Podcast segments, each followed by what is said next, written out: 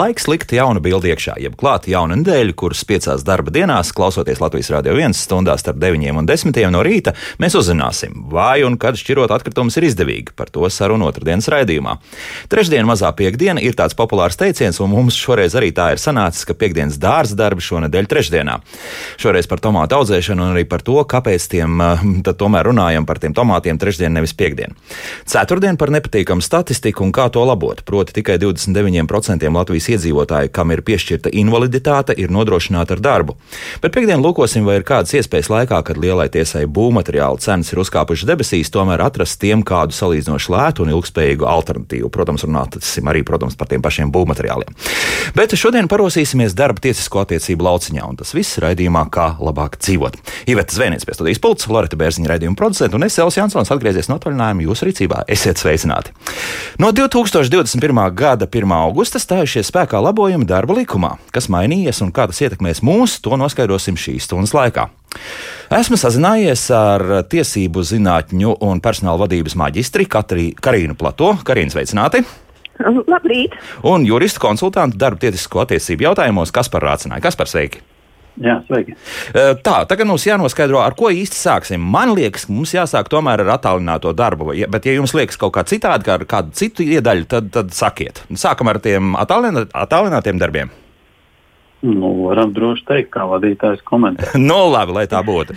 Nu, tad stāstiet, kas tad eh, beidzot ir noticis un kas ir sakārtots darba likumā, jo attālinātais darbs mums pēdējos divos gados ir kļuvis ļoti aktuāls un kā izskatās arī turpmāk attālināts darbs būs, nu, ja ne gluži prioritāte daudziem darba devējiem, bet katrā gadījumā tas ir uz palikšanu. Kas sāks? Karina vai, vai Kaspars? Labi. Karina, uh, nu, jā, mm -hmm. Jāsaka tā, ka uh, mēs esam tā ļoti plaši saskārušies pēdējos divus gadus, bet ar, ar attālināto darbu, nu, laikam, nu, kādi septiņi, astoņi jau ir bijušas uh, saskare un, un ļoti liela interese arī no darba devēja puses. Eh, kā to organizēt. Nu, jāsaka, novēloti, bet nu, labi, ka eh, tomēr likumā kaut kāda definīcija un tā izpratne ir dota ātrāk, gadu ātrāk stājās spēkā grozījuma darba aizsardzības likumā, kur jau tas primāri mums parādījās, kas ir attālinātais darbs. Un, protams, arī ļoti svarīgs jautājums, kā to organizēt no darba drošības viedokļa un darba apstākļu nodrošināšanas, kas ir darba devēja pienākums. Nu, tātad labi, kā arī darba likumā tas parādījās gan tikai šogad, no 1. augusta.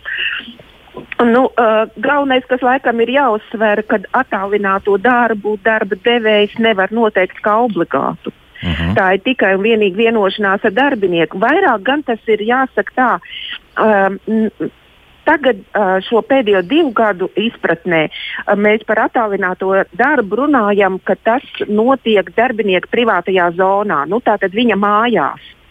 Uh, uh, līdz ar to tā um, vienošanās uh, tikai ar vienīgi ar darbinieku un viņa uh, nu, piekrišana un zaļās gaismas došana uh, šāda darba veikšanai. Ja darba devējs nodrošina attālināto darbu kādā oficiālā, kas nav viņa, bet viņš īrē, attāl, uh, attālināti iespējami cilvēkam strādāt. Nu, tas varbūt ir situācija, piemēram, uh, pats uzņēmums ir kaut kur Daugaupilī un darbdevējs atrod um, sev speciālistu kaut, vai, ja? kaut kur Rīgā, Liepājā, bet cilvēks nav gatavs pārbraukt uz, uz Daugaupili, pārvākties uz, uz dzīves vietu tur. Un tad varbūt darba devējs, saprotot, ka viņš var strādāt arī attālināti, nav viņam jābūt klātienē, viņš īrē kādu ofisu priekš viņu. -huh. Tas var būt tā tāds attālinātais darbs, viņš, viņš nodrošina cilvēkam strādāt, neesot klāt pašā uzņēmuma vidē. Uh, bet, um, No šīs definīcijas tur varētu būt, ka nu, darba devējs tā kā jā, pasakā, man tur ir oficiāls, un tur arī strādās, kā darba vieta būs. Bet, ja tas kā darbinieku privāto zonu, tas ir viņa, viņa mājas, viņa dzīves vietu, tad tur viennozīmīgi tikai un vienīgi darbinieka tāda piekrišana, tā tad vienošanās tikai. Nu, un vienošanās nes līdzi arī eh, jā, tālāko jautājumu jau par izdevumu sekšanu. Arī. Mm -hmm. Jā, un kas tie ir par izdevumiem uzreiz? Jā, tas jau arī ir ļoti ļoti interesanti, kas tajos izdevumos ietilpst un kas tad jānodrošina nu, darba devējiem. Izdevumi ir saistīti ar katru konkrēti individuāli. Tepat tā minēt piemērs, mēs, protams, tas primārais, kas arī uh, m, parasti pie, pie varbūt tās idejas uh, apsmadzinošanas, kā to noformulēt likumā, protams, primārais un vairāk pat cik ir jautājums par komunikācijas, tātad saziņas līdzekļi, nodrošināšana. Uh, mēs runājam tālāk par elektroenerģijas mm -hmm. tēriņiem, ūdens tēriņu, varbūt, ja cilvēks nu, strādā mājās, kas ūdens darba devējiem ir noteikti jānodrošina arī dzeramais. Nu, tāds, sīkumu, bet, uh, protams, uh, tas ir atkarīgs no tā amata, kurā cilvēks arī strādā. Nu, jā. uh, un tas ir um, nu, um, katru, re, uz katru šādu uh, gadījumu ir jāanalizē, kādi tie izdevumi cilvēkam radīsies strādājot nu, no mājām, kādi būs tas, ko viņš maksās no savas kabatas. Mm -hmm. Bet tas, tas ir kaut kāds, tas... jā, ja tur karina būs kaut kāds klasifikators, vai ir šāds klasifikators? Nē, vai, vai tas ir? Nē, jo ka to nevar uh, klasificēt, tas ir tik ārkārtīgi plaši, tas, tā, tā, tā, tās iespējas kā tādas. Tā kā, mm -hmm. nu, nē, tur, tur ir pusēm jāvienojas, ja darbinieks nepiekrīt uh, kādiem, kādiem nosacījumiem, ko darba devējs piedāvā un ko viņš um, ir gatavs sekt kā izdevums. Nu, tad neko tad vienošanās nav panākta. Tā kā tur ir tās divas komponentes. Vispār, vai darbinieks piekrīt strādāt no mājām un, un izmantot savu privāto zonu darba vajadzībām, un vai viņš piekrīt arī to izdevumu sekšanai, tam, par ko viņi var vienoties. Nu? Jā, jā. Tā kā par, jā, nu atkal vēlams detaļās noteikti ir, ka, kas vēl ir pamanīts, kas, kas, kas varbūt kam vajadzētu pievērst uzmanību. To, ko jau tādā veidā runājam par, par tām svarīgākajām lietām, tad uh, atkārtošana, zināšana, māte un uh, nevar. Uh, nevar neatkārtot arī to, ko Karina teica par šo brīvprātības principu. Mm -hmm. un, uh, un darba likums pēc būtības saka, ir vispārējais, vispārējais likums darba attiecībās, un uh, tas ir paredzēts galvenokārt miera laikiem. Un, uh, tātad pušu vienošanās un attālinātais darbs. Uh, Attālinātais darbs darbinieka mājas vietā šobrīd jau vairāk attiecībā ir uz šo Covid periodu. Jo tas galvenais nosacījums, piemēram, šajā Covid laikā, kāpēc uh, tiek mudināti uh, darbinieki strādāt attālināti, ir, lai maksimāli izslēgtu kaut kādu uh, kontaktēšanos ar citām personām. Līdz ar to tas Karina pieminētais piemērs, ka darba devējs nodrošina kādu uh, citu, uh, citu telpu, kurā darbinieki varētu strādāt tas vairāk būtu attiecināms tīri no darba likuma, kā ja mēs tā teikt uz, uz miera periodiem, bet šajā Covid laikā vairāk tas ir domāts tieši darbinieku darba vietu. Mm -hmm. Savukārt, ja mēs runājam par tādām vispārīgi svarīgajām lietām, tad šī darba vidas nodrošināšana un drošas darba vidas nodrošināšana joprojām ir darba devēja pienākums. Tad tas ir numur viens, jo darba likumā ir noteikts par darba organizāciju, par darba apstākļiem un to nodrošināšanu atbild darba devējs. Līdz ar to darba devējs nav tiesīgs pieprasīt, lai tagad darbinieks uh, pats iegādājās visu nepieciešamo darbam, uh, darbam nepieciešamo tehniku, kaut vai tas būtu dators vai galds un tā tālāk. Nu, tad tagad pasaka, strādās attālināti, uh, visu pats sapirks un visi izdevumi būs uz tevi. Tas, kas ir jaunums ar darba likuma grozījumiem, ka Tur tiek nodefinēta šī izdevuma atlīdzināšanas uh, sadalījuma kārtība. Proti, ir vispārējais princips, ka šos papildus izdevumus, par kuriem arī Karīna precīzi minēja, ka tos sēdz darba devējs, bet tas jaunums ir tāds, ka darba līgumā vai arī darba koplīgumā, un šeit ir jābūt ļoti uzmanīgiem, ka nevis jebkurā katrā darba koplīgumā bet tikai tādā darba koplīgumā, kas ir noslēgts ar darbinieku arotbiedrību, uh, ir iespēja atkāpties no šī izdevuma sekšanas principa. Proti, uh, šajā koplīgumā no vienas puses var uh, paredzēt, ka šādu papildu izdevumu sekšanu uzņemās darbinieks, bet vienlaikus ir jānodrošina, ka ar koplīgumu netiek samazināts darbinieku kopējais aizsardzības līmenis. Nu, vienkāršiem vārdiem ja mēs uh, pasakām, ka darbinieks kaut ko sedz pats, tad šajā koplīgumā ir jānodrošina kaut kāda vispārējā papildus aizsardzība, lai tas darbinieku kopējais aizsardzības līmenis netiek samazināts. Un kā, ko tas nozīmē tagad, runājot tieši par attālinātu darbu, kur ir diezgan grūti izkontrolēt? Bieži vien mēs tagad ir gandrīz jāatsauc arī uz darba drošības likumiem. Jā, gadījumā, jā, jā. par šo izkontrolēšanu es piekrītu, ka vispār attālinātajā darbā pēc būtības ir tādas uzticības attiecības, un uh, darba devējiem ir sarežģītāk nekā darba vietā izkontrolēt, vai darbinieks vispār strādā, cik labi viņš strādā vai ievēro atpūtas laiku un darba drošību. Bet uh, darba vidas riska novērtējumu uh, un atbildību par darba drošību tāpat tās likums nav izslēdzis. Mm -hmm. Ja mēs runājam par to izdevumu atlīdzināšanu, tad uh, par uh, teikt, drošības filtru šajā gadījumā ir darbinieku arotbiedrība, lai nebūtu tā, ka darba devējs tagad darba līgumā, uh, ko jau esat dzirdējis pēc 1. Uh, augusta, jau sūta jaunus darba līguma grozījumus, kuros darbiniekiem spiež uzņemties atlīdzību par uh, visiem uh, attālinātā darba izdevumiem. Uh, Šādi rīkoties nedrīkst, tāpēc šāda apkāpe tiek paredzēta īpaši ar koplīgumu, un arotbiedrība tad ir tā, kura kontrolē lai nebūtu tā, ka pārmērīgi darbiniekiem uzspiež šo izdevumu atlīdzināšanu. Labi, bet ja gadījumā tā ir ļoti maza organizācija, kurā varbūt ir 3-4 cilvēki un, un tās arotbiedrības vispār nav kā šķira, Tad kas nu, notiek? Tad darbiniekam ir jāsako līdzi un vienam pašam jācīnās un uh, jāskatās, ko viņam darba līgumā iebaks iekšā. Uh -huh. Ja viņam ierakstīs, ka viņam ir jāsadz uh, visi interneta, elektrības un komunikāciju uh, izdevumi, tad no likuma viedokļa šāda vienošanās ir pieļaujama. Uh, un līdz ar to darbinieks principā pats paraksta sev pienākumu, ka viņš seks izdevumus, kas saistīti ar attālināto darbu. Darba likumā ir tāds sestais pants, kas uh, nosaka, ka nav spēkā darba devēja rīkojuma vai pat līguma nosacījumi, kas pasliktina darbinieku tiesisko stāvokli. Bet šeit ir jāņem vērā, ka tas, no, uh, tas princips attiecās, ka pasliktina pretēji likumam. Un, uh, tātad, ja likums atļauj vienoties par izdevumu, uh, piemēram, šo uh, internetu, elektrības uh, vai citu izdevumu atlīdzināšanu, ka to sēdz darbinieks, tad šāda vienošanās ir tiesiska, un darbinieks pēc tam nevarēs teikt, ka mani lūg tur. Uh, Un kaut kā ir ierobežojuši. Jā, jā. Un, bet, nu, ja, ierobežojuši un liek maksāt. Jā, bet vai tas darba līgumā kā varētu izskatīties? Tā varētu būt vienkārši piemaksa pie darba algas, vai tomēr tā būs speciāli atrunāta, ka tik un tik tas, tas nozīmē, ka tur būs par elektrību un tā tālāk? Lai būtu lielāka skaidrība, tā ideja ir tāda, ka uh, ja šobrīd uh, darbiniekam ir tiesība prasīt, lai izdevums, kas saistīts piemēram no nu, ar internetu un elektrību, darba pienākumu pildīšanai sēdz darba devējs. Tad darba līgumā ir ierakstī, var ierakstīt, ka šos izdevumus uzņemās pats darbinieks. Mm -hmm. Darba devējiem nav pienākums šos izdevumus sekt. Tas ir tas jaunums, ko paredz darba likums, pēc būtības dodot iespēju darbiniekam, uh, ja darba devējam pārlikt uz darbinieku šos uh, sīkos izdevumus.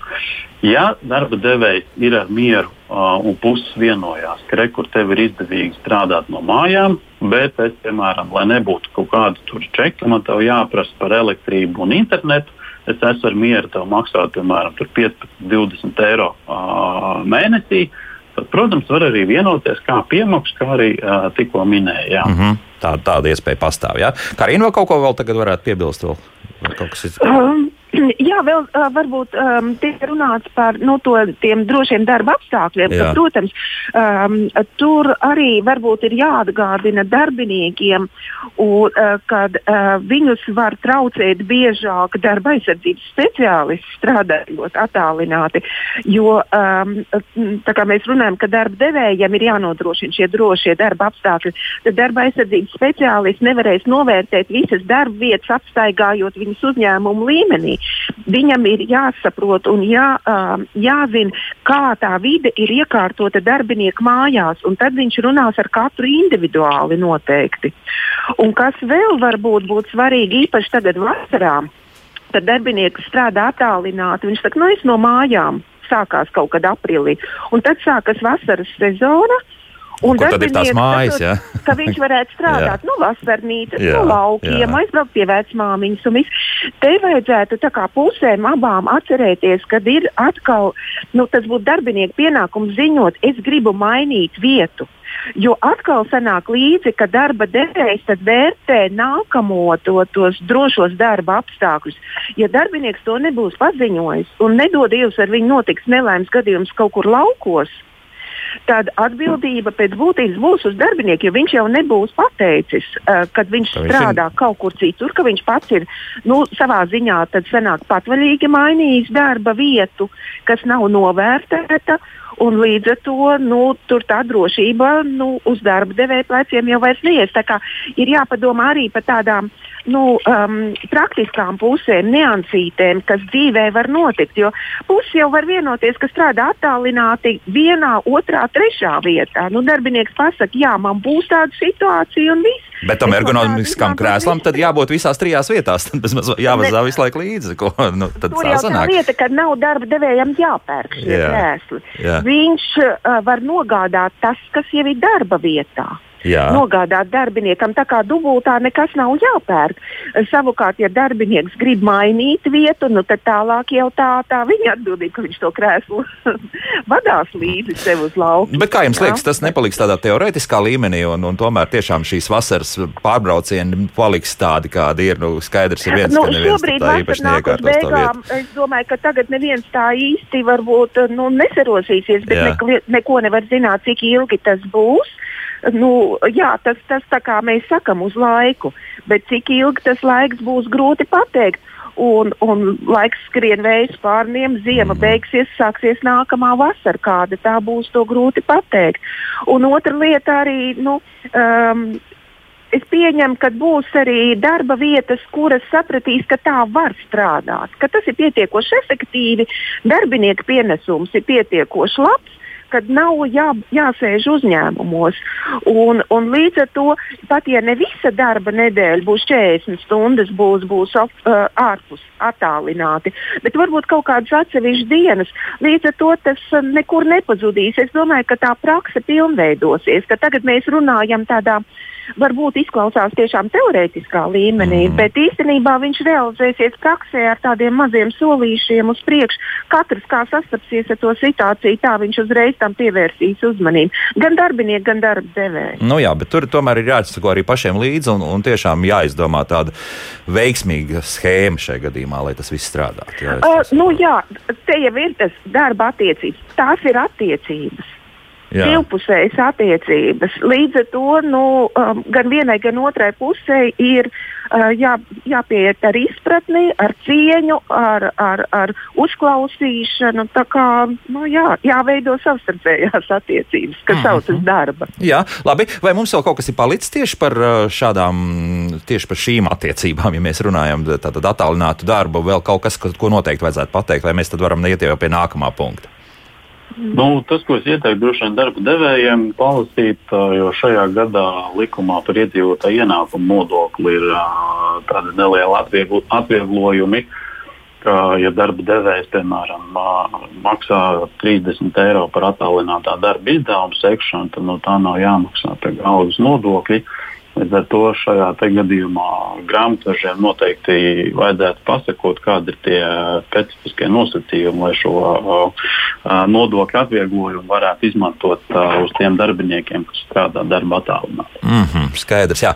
Tā, mums ir līdz, līdz mūzikai ir apmēram septiņas minūtes. Tas nozīmē, ka mēs varētu paņemt kādu, varbūt, es nezinu, mazāku iedaļu. Jā? Tas proti, varbūt arī par to, kas darba likumā šobrīd izmaiņas ir saistībā ar, ar, ar, ar invaliditāti. Jā? Nu, tad varbūt par to tagad. Kas, kas sāks? Karina, jūs vēl sāksiet? Vai kas, kas par ir gatavs? Jā? Kas par to varbūt? Jā. Jā, jā, to es arī varētu. Man, man gan šķiet, ka tā ir diezgan pietiekami komplicēta sadaļa. Tomēr, jā. Jo, jā, jo vairāk gadu garumā par šo o, ir bijušas ļoti plašas diskusijas, gan invalīdu organizācijas savā starpā nav spējušas vienoties, vai tas būtu atbalstāms vai nebūtu atbalstāms. Bet tā pamata ideja ir tāda, ka um, līdz šim darba likums paredzēja aizliegumus, tātad kategorisku aizliegumu, ka darba devējs nedrīkstēja uzteikt uh, darba līgumu trijos gadījumos. Tātad, jā, un būtiskākais bija darbinieku skaita samazināšana, uh, vai arī, ja darbinieks, uh, kuram ir invaliditāte, ilgstoši slimoja, tad šajā gadījumā darba devējs uzteikt darba līgumu nedrīkstēja. Uh, ar šiem grozījumiem ir vienkāršota šī procedūra, proti, darba devējam būs tiesības uzteikt uh, visos gadījumos uh, darba līguma personām ar invaliditāti, bet tiek saglabāta uh, neliela aizsardzība. Proti, uh, šajos pašos trijos gadījumos, tātad papildus vēl ir arī, ja uh, ar tiesas spriedumu darbinieks ir atjaunots iepriekšējā darbā, tad, kā arī pēc skaita samazināšanas, vai darbinieks ir ilgstošais slimotājs, tad šajos likumā noteiktajos gadījumos darba devējs uzteikt darba līgumu varēs, bet būs jāievēro garāks uzteikuma termiņš. Un proti, un šeit ir svarīgi uh, sadalīt divus gadījumus. Ja darba līgums ar personu ar invaliditāti ir noslēgts līdz uh, šī likuma spēkā stāšanās brīdim, tātad līdz 31. jūlijam, tad uzsako darba līgumu, uzteikuma termiņš būs trīs mēneši. Mm -hmm.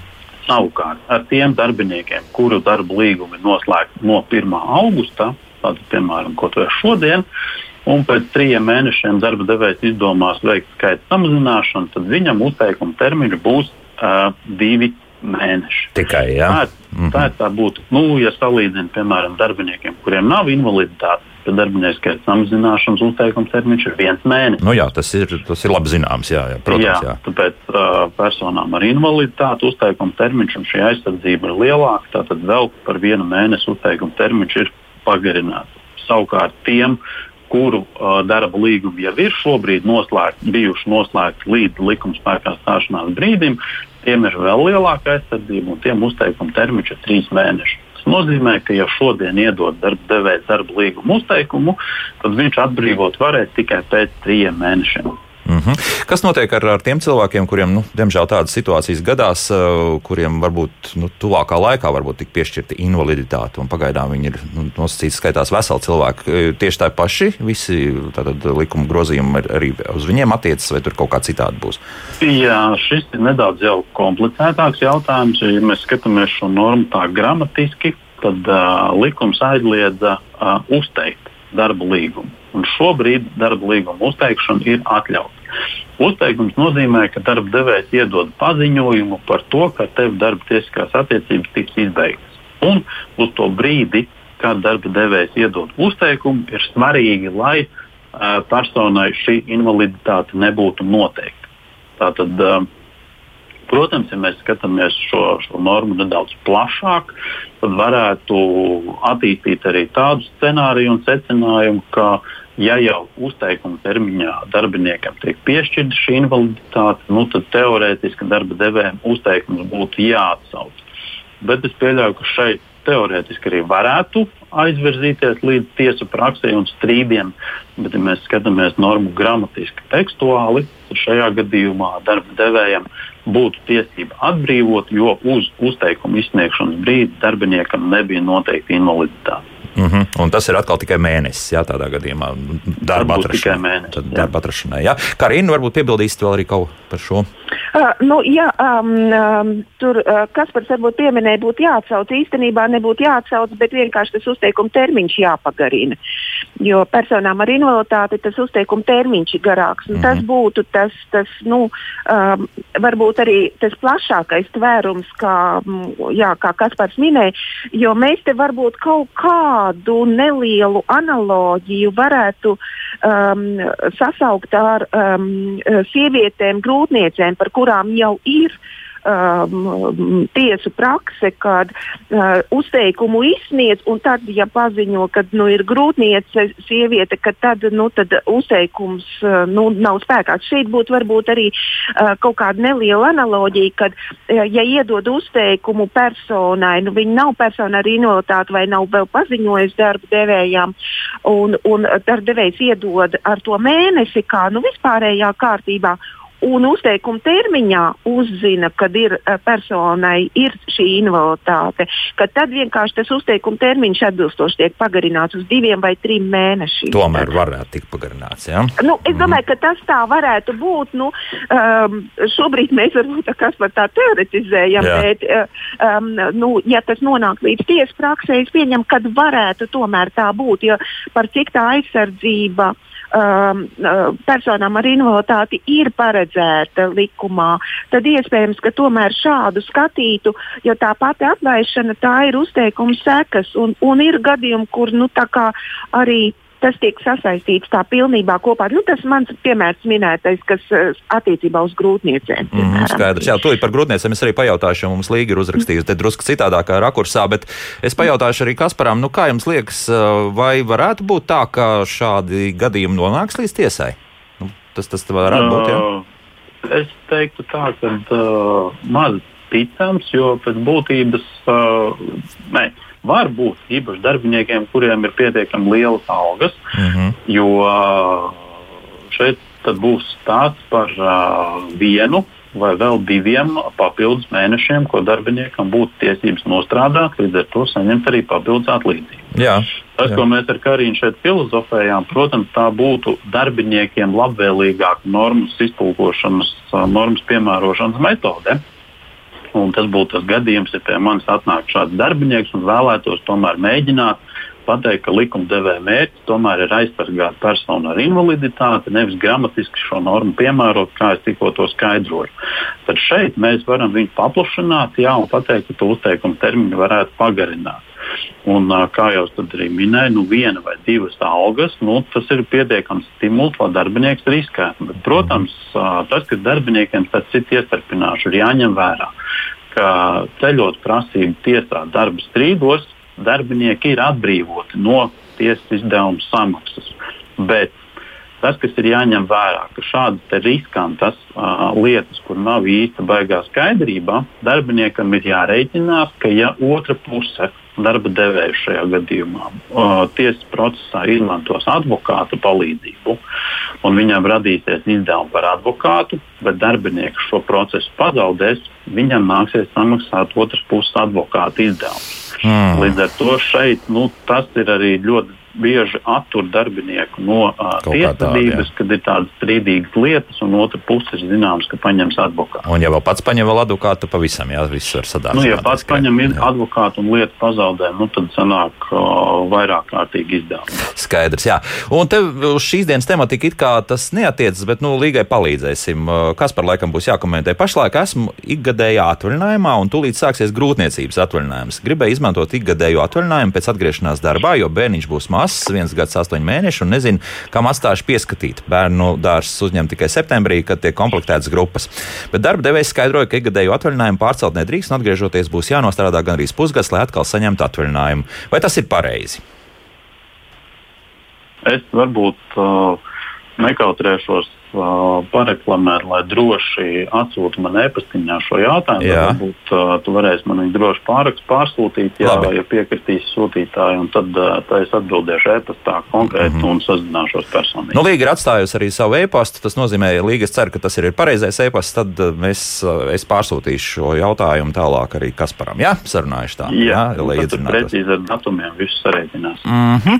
Labi, tā sāks arī jautājumi mūsu mājaslapā, bet tos tad sāksim tirzāt dzirdēt uzreiz pēc mūzikas. Gribu atgādināt Latvijas radio.cl. Tur tālāk jāatrod radio viens un raidījumu, kā labāk dzīvot. Sūtiet droši savus jautājumus, un mūsu studijas tālrunis šai stundai ir 6722, 888. Laiks jūsu jautājumiem!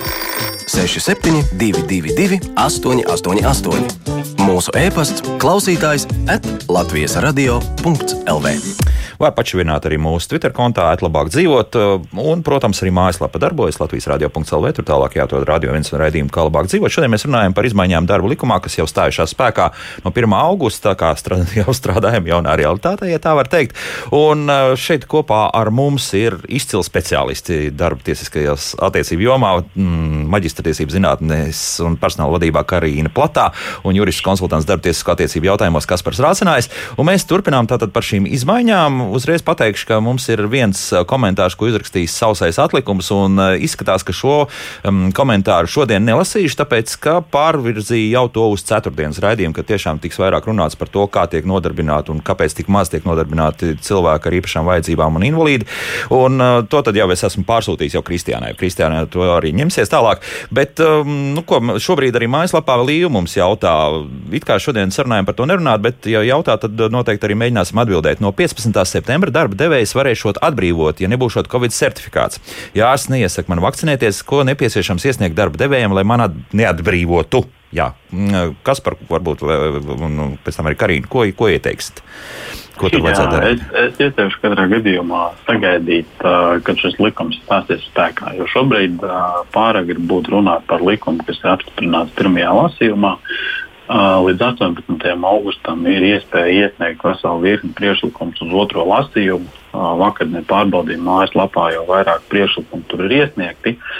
Runāsim par šo likuma projektu, kad tas būs stājies mm -hmm. spēkā. Tā kā vēl nav. Jā, Karina, ir kaut kas vēl piebilstams? Jā, es pievienošos mm -hmm. Kasparam tiešām. Jā, jo tas būs tikai tāda šobrīd galvas jaukšana, jo vēl nevar zināt, kādas izmaiņas būs un vai likums būs. Tā kā labāk pagaidīsim. Mm -hmm. Jā, vēl pāris nedēļas mums laika vēl ir. Jā.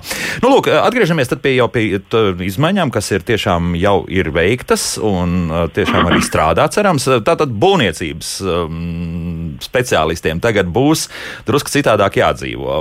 Cik, tas, cik šīs izmaiņas darba likumā tā, to skars un vai, kā jums liekas, tur liels izmaiņas tās ir vai, vai tomēr viss norīs un, un dosies tālāk, jā. kas, kas sāks, nezinu. Um, jā, kas par to? Jā, jā. Es, es varbūt pateikšu, ņemot vērā, ka šis tāds vairāk arotbiedrība jautājums, tad um, tā ideja bija tāda, ka tiešām ņemot vērā, ka 19. gadā būvniecības nozarē bija noslēgta šī ģenerāla vienošanās, atgādināšu, tā ir tāda ģenerāla, vispār saistoša ģenerāla vienošanās, kas nozīmē, ka visiem būvniecībā nodarbinātajiem attiecās tie nosacījumi, kas ir ietverti šajā ģenerāla vienošanās. Tātad, jebkuram būvniekam, kurš strādā, būtu ieteikums uh, paskatīties, kāda tad ir šie viņa nosacījumi. Un tas, kas ir interesanti, ka tur ir noteikti lielāka minimālā alga nekā valstī. Mm -hmm. tātad 780. Un uh, tas, kas bija interesanti, ka likuma projekta izstrādes gaitā jau nāca arī signāli no darba devējiem, ka ir mums, kā saka, savā starpā konkurenti, kuri nenodrošina šo minimālo algu. Un valsts darba inspekcija var plātīt rokas un teikt, ka mēs tur īsti nevaram viņus sodīt par minimālās algas nemaksāšanu, jo likums paredz, ka var sodīt tikai par valsts noteiktās algas nemaksāšanu. Un tad nu, likumā tika paredzēts, ka šī minimālā alga, kas ir noslēgta noteikti ar vispār saistošu ģenerālu vienošanos, ka tā ir tādas pašas tiesiskās sekas kā valsts noteikta ģenerāla vienošanās. Un, ko tas nozīmē praksē? Ka tagad valsts darba inspekcija var droši soļot par uh, būvniecības laukumiem, pārbaudīt, vai darbiniekiem tiek maksāti 780, kas ir noteikti ģenerāla vienošanās alga. Ja nav noteikti, tad var sodīt par minimālās algas nemaksāšanu. Un tur jau tā atbildība ir krietni lielāka nekā par parastu darba tiesību pārkāpumu. Tā ir tā viena būtiskā lieta, kas palīdzēs arī uh, uh, saka, stimulēs uh, darba devējus uh, rūpīgāk sekot līdzi, kāda atlīdzība tiek maksāta. Tātad darba inspektors nevis valsts ieņēmuma dienas to darīs. Ja? Darba, darba inspekcija uh, var sodīt par to, ka netiek maksāta minimālā alga. Savukārt valsts ieņēmuma dienas jau sodīs par to, ka netiek maksāti pienācīgie nodokļi uh -huh. uh, no tās algas, kura būtu bijusi jāmaksā. Tagad tur var dabūt vēl dubultā. Uh, trešā lieta, uh, kas attiecās no šī panta, kādas tam ir sekas, ka tai minimālajai algai ir nozīme darba tiesisko attiecību ietvaros. Vienkāršiem vārdiem. Tur, kur darba likumā uh, vairākos pantos ir rakstīts, ka uh, minimālā valsts noteiktās minimālo, ka ir jānodrošina, piemēram, valsts noteiktā minimālā alga, Tur var vienkāršiem vārdiem aizstāt uh, ģenerāla vienošanās noteiktā alga. Tātad būvniecības nozarē, piemēram, uh, darba likumā ir 41. pāns, kur ir pateikts, ja darba devējs, piemēram, nav noslēdzis darba līgumu, tad ir iestrādāta tā saucamā prezumpcija, ka darbiniekam ir noteikts ne, uh, normālais darba laiks un minimālā alga. Ko tas nozīmē? Ka ja atnāks valsts uh, darba inspekcija vai valsts ieņēmuma dienas konstatēs, ka rekur ir nelegāls, tad būs uh, iestāsies tā saucamā prezumpcija. Un uh, šajā gadījumā darbiniekam būtu tiesība prasīt uh, jau ne tikai 500 eiro, bet šos 780 eiro kā prezumpcija, ka ir šī minimālā alga. Nu, lūk, tieši tāpat arī par citiem pantiem, kur uh, darba likumā tas ir minēts. Nu, kā piemēram par pusauģu nodarbināšanu. Tad, tad tur būs jānodrošina ne, ne valsts, bet ģenerāla vienošanās noteikta alga. Arī pēc 75. panta ir, uh, ka ja, piemēram, vidējā izpēja, mēneša vidējā izpēja par normālo darba laiku ir mazāka nekā valsts noteiktā minimālā alga, nu, tad šajā gadījumā, kā ģenerāla vienošanās noteiktā alga, tad darbiniekam būs tiesība prasīt šo uh, ģenerāla vienošanās noteikto minimālo algu. Un vēl 96. pantā arī pie mācību izdevuma atlīdzināšanas tas kritērijs būtu jau no lielākas algas jāņem vērā. Uh -huh. uh, vienīgā nianse, kas ir, uh, kurš šis netiks piemērots, ir attiecībā uz uh, 79. Pāntu, 79. pāntu, kur tiek ieturējumi veikti no uh, civil procesa likumā noteiktajā kārtībā veiktajiem ieturējumiem. Piemēram, ja darbinieks būs uzturlīdzekļu nemaksātājs, un tādiem uzturlīdzekļu nemaksātājiem publiskais fuj, fuj, fuj. Jā, Šajā bet... gadījumā viņam šī aizsardzība nebūs uh, kā no ģenerāla vienošanās noteiktās algas, bet tikai no uh, valsts noteiktās minimālās. Tā no tā 500. Jā? No tā 500. Jā. jā. Savukārt, ja darba devējs uh, veiks šos ieturējumus, piemēram, jo darbinieks ir nodarījis kaut kādus zaudējumus, tad šie ieturējumi varēs būt 20% apmērā jau no ģenerāla vienošanās noteiktās algas. Tagad 77. pantā ir šī duālā uh, sistēma, tātad darba devēja veiktie ieturējumi par darbinieku nodarītiem zaudējumiem mums ir no ģenerāla vienošanās. Savukārt, ja tie nāk caur uh, tiesu izpildītāju veikt ieturējumu, tad tur mēs piemērojam valsts noteikto minimālo algu. Nu, un tad, attiecīgi, cik no tās algas tiek ieturēts. Ja? Nu, tieši tā, jā. jā, jā, jā. Bet uh, es vēl atgriežoties pie tiem pusauģiem, ja, kuri tagad uh, nu, var tikt nodarbināti arī būvniecībā. Tur tā mm, stundas likme, nu, tur arī nevar visādā veidā spēlēties un, principā, maz, maksāt mazāk vai, vai kā citādi. Tur nav nesaskatāt, ka tur varētu būt kaut kādi nu, tādi, nu, tomēr zemūdens akmeņi vai, vai tur puslīdz viss būs kārtībā. Nu, kā saka, mānīties jau visi grib, bet šeit Jā. uh, viennozīmīgi katram, kurš uh, strādā būvniecībā, ieiet uh, būvniecības arotbiedrības mājaslapā vai Google iemeklējiet ģenerāla vienošanās būvniecības nozarē, un tur arī sanāk uh, dažādas piemaksas, kas vēl tiek maksātas būvniecības nozarēm par kvalifikācijām. Izsekojiet līdzi, vai jūs tur attiecaties, un jums šī vienošanās tiek piemērota. Mm -hmm. jo, piemēram, mums arī Mārtiņš raksta mājaslapā, būvniecībā neviens pat palīgstrādnieks nesaņem tik mazu algu, kā ir minēts ģenerāla vienošanās dokumentos. Valsts ieņēmuma dienests var mierīgi iet uz visiem uzņēmumiem, kur stāsta, ka maksā tur minimālo, tur būs ko rakt. Laikam jau tāpēc arī šādas izmaiņas ir tapušas visdrīzākais, jā, kā arī ir palielināta faktiski šī minimālā alga tieši būvniecības nozarei. Jā. Tieši tā. Tieši tā, jā. jā Karina varbūt arī piebildīs to kaut ko. Kas var ļoti plaši viss izstāstīt. Mm -hmm. Viss ir jā, tā kā ir. Jā, jā piekrītu viņam. Jā. Mm -hmm. Mm -hmm. Nu, labi, nu tad vēl mums tajās atlikušās redzījuma minūtēs vēl jāsaprot ir par, par tātad, nu, tāds viens pozitīvs, es, man tā liekas, arī mm, tāds likuma grozījums ir pieņemts par to, ka, lūk, par aprūpējumiem pilngadīgiem bērniem ar ļoti smagu invaliditāti no bērnības, jā, par šo aprūpēšanu un, un palikšanu darbā. Nu, kas sāks Karina? Varbūt jūs šoreiz sāksiet. Uh, nu, jā, um, Te ir uh, divi aspekti. Uh, jā, jā uh, nu, varbūt jāatgriežas arī, ko mēs jau pirms, pirms mu muzikālās pauzes runājām par personām ar invaliditāti, mm. bijām iesākuši. Uh, tātad um, gan uh, personām ar invaliditāti, gan arī šiem vecākiem, kuru aprūpē ir pilngadīga persona ar invaliditāti no bērnības un kurai nepieciešama īpaša kopšana, viņiem ir tā kā uh, darbtiesiskajās attiecībās uh, divas aizsardzības noteiktas lietas. Viena uh, pie darbinieku skaita samazināšanas, kad viņi ir um, tajā sadaļā, kur ir priekšrocība izvērtējums, ja nonāk līdz tam, kur uh, nu, darbiniekiem kvalifikācija un darba rezultāti ir vienādi. Tad ir dažādas, um, vairāk kā desmit šīs priekšrocības, kuras ir jāsalīdzina. Un tur ir šīs gan personas ar invaliditāti, gan arī šie vecāki, kur aprūpē šīs pilngadīgās personas. Un otra aizsardzība ir noteikti attiecībā uz uh, tiesībām pieprasīt nepilnu darba laiku. Te gan ir uh, īpaši jāpiebilst, ka uh, tā nebūs ne lūgums, ne, ne vienošanās ar darba devēju, ka te darbiniekam ir tā prioritāte pašam saprast, vai viņam vajag uh, šo nepilno darba laiku. Tātad tas būs viņa pieprasījums. Mm -hmm. Darba devējam vienīgais ir jānosaka kārtība, veids un termiņi, uh, kā šo pieprasījumu iesniegt, un arī, lai tas nav tā, uh, ar rītdienu es gribu nepilnu darba laiku. Skaidrs, ka arī darba devējam ir nu, kaut kāds laiks vajadzīgs, lai sagatavotos, lai atrastu cilvēku, kas strādās to pārējo darba laiku. Uh, uh, kas, kas būs, no kā būs de, uh, šīs personas atteikušās. Jā, labi, un, jā, un cik tam uh, laikam vajadzētu būt? Nu, tā, nu, lai, tas lai nav, tas nav noteikts nav likumā, noteikts, jo tas var būt, nu, normālais darba laiks mums ir 40 stundas nedēļā. Mm. Tātad viss, kas ir līdz 40 stundām nedēļā, ir nepilns darba laiks.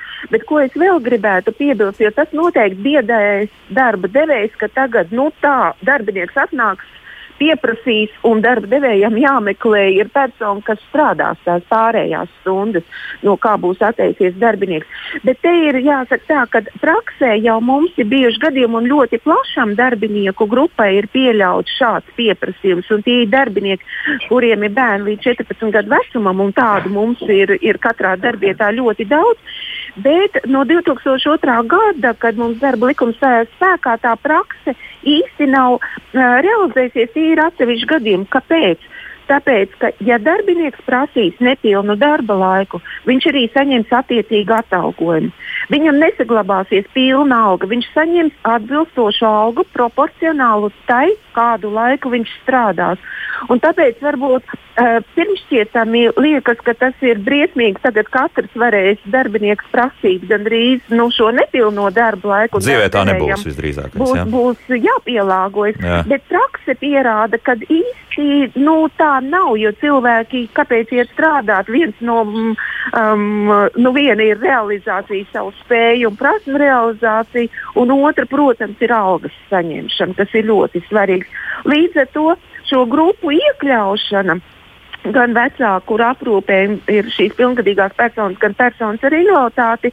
Nu, praksa, protams, rādīs, bet līdz šim, kas ir bijuši gadījumi, tie ir tiešām tādi izņēmumu gadījumi, kad darbiniekiem tas ir vitāli nepieciešams un viņi ir gatavi uz mazāku atalgojumu. Ar to ir, protams, jārēķinās, jā, nekā jā, citādi. Jā, jā, jā kāds par varbūt vēl arī kaut ko par šo? Um, jā, tieši tā, Karina arī ļoti svarīgi nianses pieminēja. Un, um, galvenais šīs normas mērķis ir, lai tās personas, kurām tiešām objektīvi, vai tas ir pašu uh, iemeslu dēļ, kā piemēram tagad personai ir invaliditāte, vai nu viņai ir pa grūtu uh, strādāt pilnu slodzi, uh, vai arī ir nepieciešams aprūpēt uh, citu personu, tad šajā gadījumā normas mērķis tiešām tiks sasniegts, ja persona ir gatava atteikties arī no šī proporcionālā atalgojuma, lai, lai izpildītu šo. Nu, misiju. Mē, misiju jā, jā, misija. Bet, ja mēs sākam mūsu raidījumu ar attālinātu darbu, vai šajā likuma grozījumos nu, tomēr nevar kaut kā atrast tādu, nu, nezinu, mazu, mazu, mazas durtiņas. Es teiktu, ka, ja cilvēks var strādāt šajā gadījumā arī attālināt darbu, bet kaut kāda iemesla dēļ, nu, darba devējs varbūt šaubās vai negrib to darīt, un šeit nu, tomēr pārmest to tiltiņu, un ka tu vari strādāt mājās un reizes arī kopt to bērnu. Tā varētu būt, vai, vai pie, pie, pieprasīt būt, būtībā, nevis vēlamā formā to pieprasījums pasniegt. gan iet tikai uz to nepilno darba laiku, bet eh, tas, tas ko es minēju, tās ir attiecības. Mm -hmm. Un līdz ar to uh, varbūt, ka darba devējam, kuram ir šaubas, vai tiešām cilvēks varēs izpildīt tos pienākumus, nav jau teikts, ka viņam tagad ir jāpasaka vai nu jā vai nē, nu balss vai melns, bet dodiet laiku, iedodiet mēnesi cilvēkam sevi pierādīt un, un um, vienoties, ka attālināti strādās mēnesi. Un, un, ja cilvēks ar to tiek galā, un darbs ir, ir izpildīts, viņš sevi ir pierādījis, un, un tad var runāt jau par ilgāku laiku. Tā kā nav, nav jau nekādas problēmas vienoties arī nu, tā, lai, lai saprastu. Varbūt cilvēks pats iedomājas, ka viņš ar to tiks galā, bet rezultātā varbūt viņš pats beigās saprot, ka viņš nu, nevar tā, tādā veidā tikt galā. Tur nav tā teikts, ka varbūt darba devējs neusticēsies, bet arī pats darbinieks varbūt, lai saprastu. Jo teorētiski viņš varbūt iedomājas, es varēšu gan kopt slimu bērnu, gan arī uh, tikt galā ar darba pienākumiem, bet, bet rezultātā varbūt viņš pats saprot, ka viņš tā īsti nevar. Mm -hmm. Tā, tagad mums ir burtiski viena minūte palikusi, bet ir trīs jautājumi.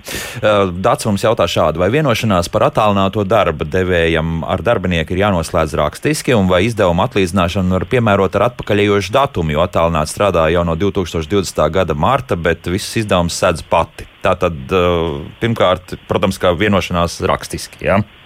Uh, jā. jā, pirmkārt, vienošanās rakstiski, no otras puses uh, arī darba likumā ir tāda iespēja, kā saka, šķirbiņa, ja nav bijusi rakstveida vienošanās, bet ir bijusi mutiska un pusi to var pierādīt ar šādai mutiskai vienošanai, arī būs tāds pats tiesiskais spēks kā rakstveidā noslēgtam.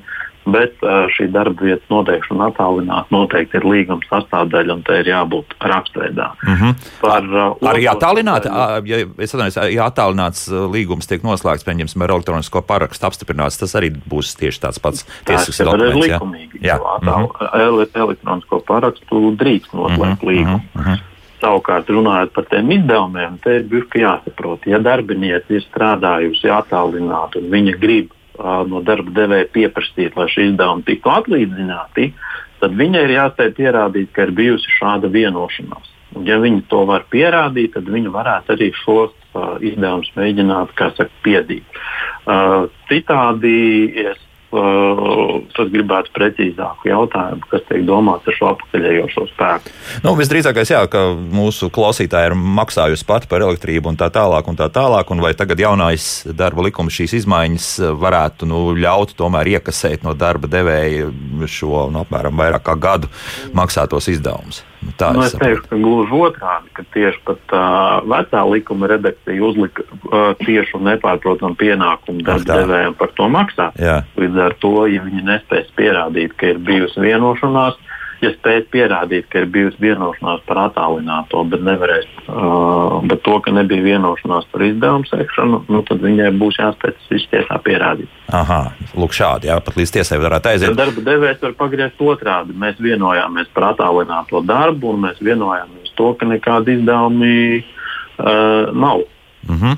Nu, un te vēl Anita mums jautā, faktiski likumdošana neparedz iespēju trešās grupas invalīdiem strādāt nepilnu slodzi. Ja strādājot pilnu slodzi, būtu maksāta minimālā alga, tie ir respektīvi tie 500 eiro. Te kaut kāds komentārs. Nesapratu jautājumu, bet nu, tagad um, tas um, likumā jau ir paredzēts persona ar invaliditāti. Tā kā tur nav nekāda uh, nu, grupai nozīme. Kāda bija jūsu alga? Ja? Jā, pieprasīs nepilnu darba laiku, bet vienīgais jārēķinās ar proporcionālo algu. Jā. No, jā. Mm -hmm. Un vēl Ieva mums uh, raksta šādi, beidzot palaidīšu dārziņā bērnu, ātrāk par trīs gadiem dārziņš nav pieejams un sākšu meklēt darbu. Saprotu, ka meklēšu darbu uz puslodzi, lai var izvadāt visus bērnus uz dārziņiem un uz skolu. Tad man pašai būs uh, jāprasa, lai no manas uz rokas algas samaksā to nodokļu starpību, jo nevar pilnu slodzi apvienot ar veiksmīgu bērnu izvadāšanu uz skolām un dārziņiem. Nezinu, kāds bija likuma mērķis, bet ģimenes, kuras rūpēs par bērniem, bērniem tās neatbalsta. Ir tev kaut kāda tieša saikne. Nu, tur laikam jāskatās, kāds tas atalgojuma lielums arī būs.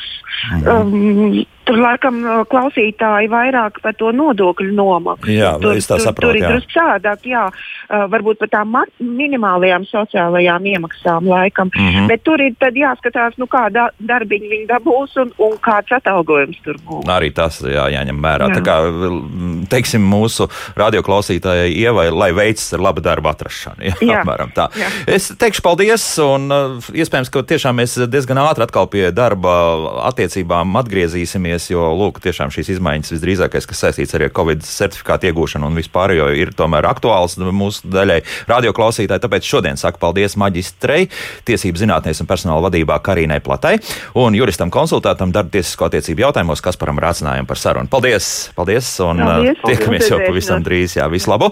Un uh, es tikai atgādināšu, ka rītdien mēs runājam par brūnajiem atkritumiem. Un nedomājiet, ka tie ir tie brūnie atkritumi, par ko jūs varbūt uzreiz iedomāsieties. Tie ir drusku citi atkritumi. Bet rītdien tiešām vai mums bez tā, ka nu, jā, mums uzliek principā par pienākumu šos atkritumus daudzās vietās šķirot, vai bez tā, ka tikai ar naudas nu, teiksim, tādu stimulu mums tas viss kaut kā darbosies, vai ir kāda cita ies, iespējas tomēr finansiāli mūs tā, saka, pabalstīt un atbalstīt, lai mēs to šķirošanu veiktu vairāk. To visu mēģināsim izrunāt rīt raidījumā, kā labāk dzīvot. Jauku dienu un jā, izbaudām vēl vasaru. Šodien tiešām silta diena, jauka un varbūt papeldiet vai paskrieniet. Un katrā gadījumā, ja tiešām laiks ir, bet nu kuriem jāstrādā, jāstrādā. Tad līdz rītam. À, tā. Kā labāk dzīvot?